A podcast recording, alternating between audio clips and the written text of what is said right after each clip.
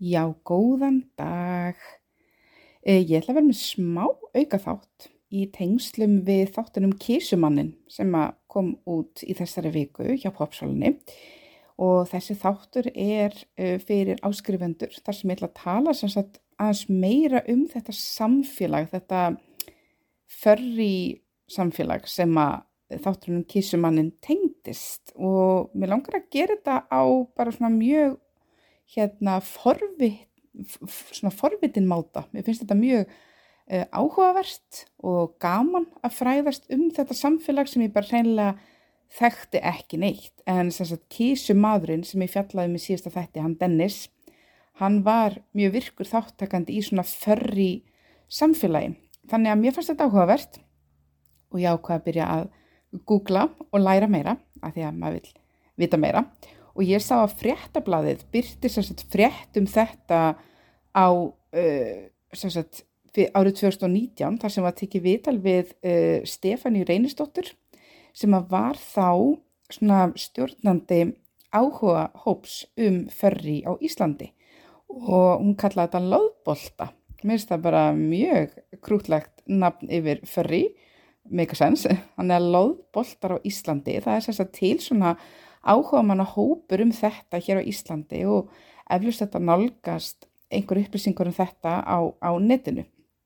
Og í greininni kemur fram að förrís á Íslandi sé hópi fyrir fólk sem hefur áhuga á dýrum sem hefur svona mannlega eiginleika. Og Stefania segir að í flestum tilfellum þá býr fólk sér til svona sin eigin karakter eða svona hliðarsjálf og hún sjálf er með hliðarsjálfið Mýra Midnight og förri eða loðbolti er sem sagt fyrir eitthvað svona vítt hugtak og felur í sig til dæmis bara fólk sem að uh, skilgrenni sig sem dýr, fólk sem að telur sig vera með svona dýrasál uh, eða bara finnst mannleg dýr vera hillandi og svo eru líka bara einstaklingar í þessum hópi sem hafa bara mikinn áhuga á svona myndum og þáttum. Þannig að þetta er bara mjög vítt svið í rauninni.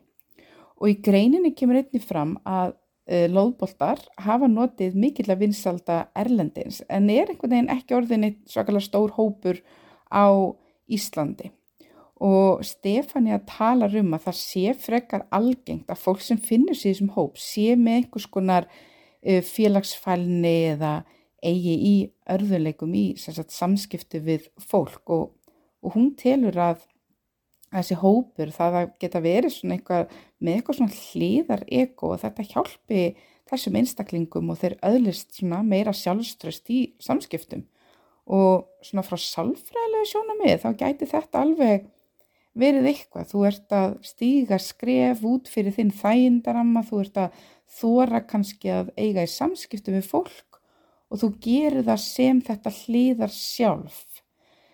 Og Stefania bæti við og segir að það stundum er bara gaman að vera einhver karakter sem maður ímynda sér og fá að vera svolítið sig og hún segir skilgrinningu og loðbolta að vera e, einfallega að gefa einhverju mannlega eiginleika sem er ekki mennst eins og ég talaði um í þættinu um kísumann. Hún sjálf tengir til dæmis mikið við drega og hún útskýri það hans í þessu viðtali í frettablaðinu. Og hún hafði sem sagt, hún fann fyrst þessa hópa bara á netinu og var í svona netsamskiptum uh, við hópana. Og hún segir að í sömum tilfellum þá veit fólk ekki alveg sko hverju það er að leita að. Það hefur kannski haft áhuga á hlutum sem svipa til þessa en svona rambar síðan inn á síðu með fólki sem hefur svona svipuð áhugamál. Ok, svo að sem sagt í viðtalinu uh, kom síðan að því sem að ég nefndi líka í kísuþættinum um hann Dennis og það er svona þessi tenging við kynlíf eða einhvers konar fettis, svona, eh, já, einhvers konar kynlífsfettis.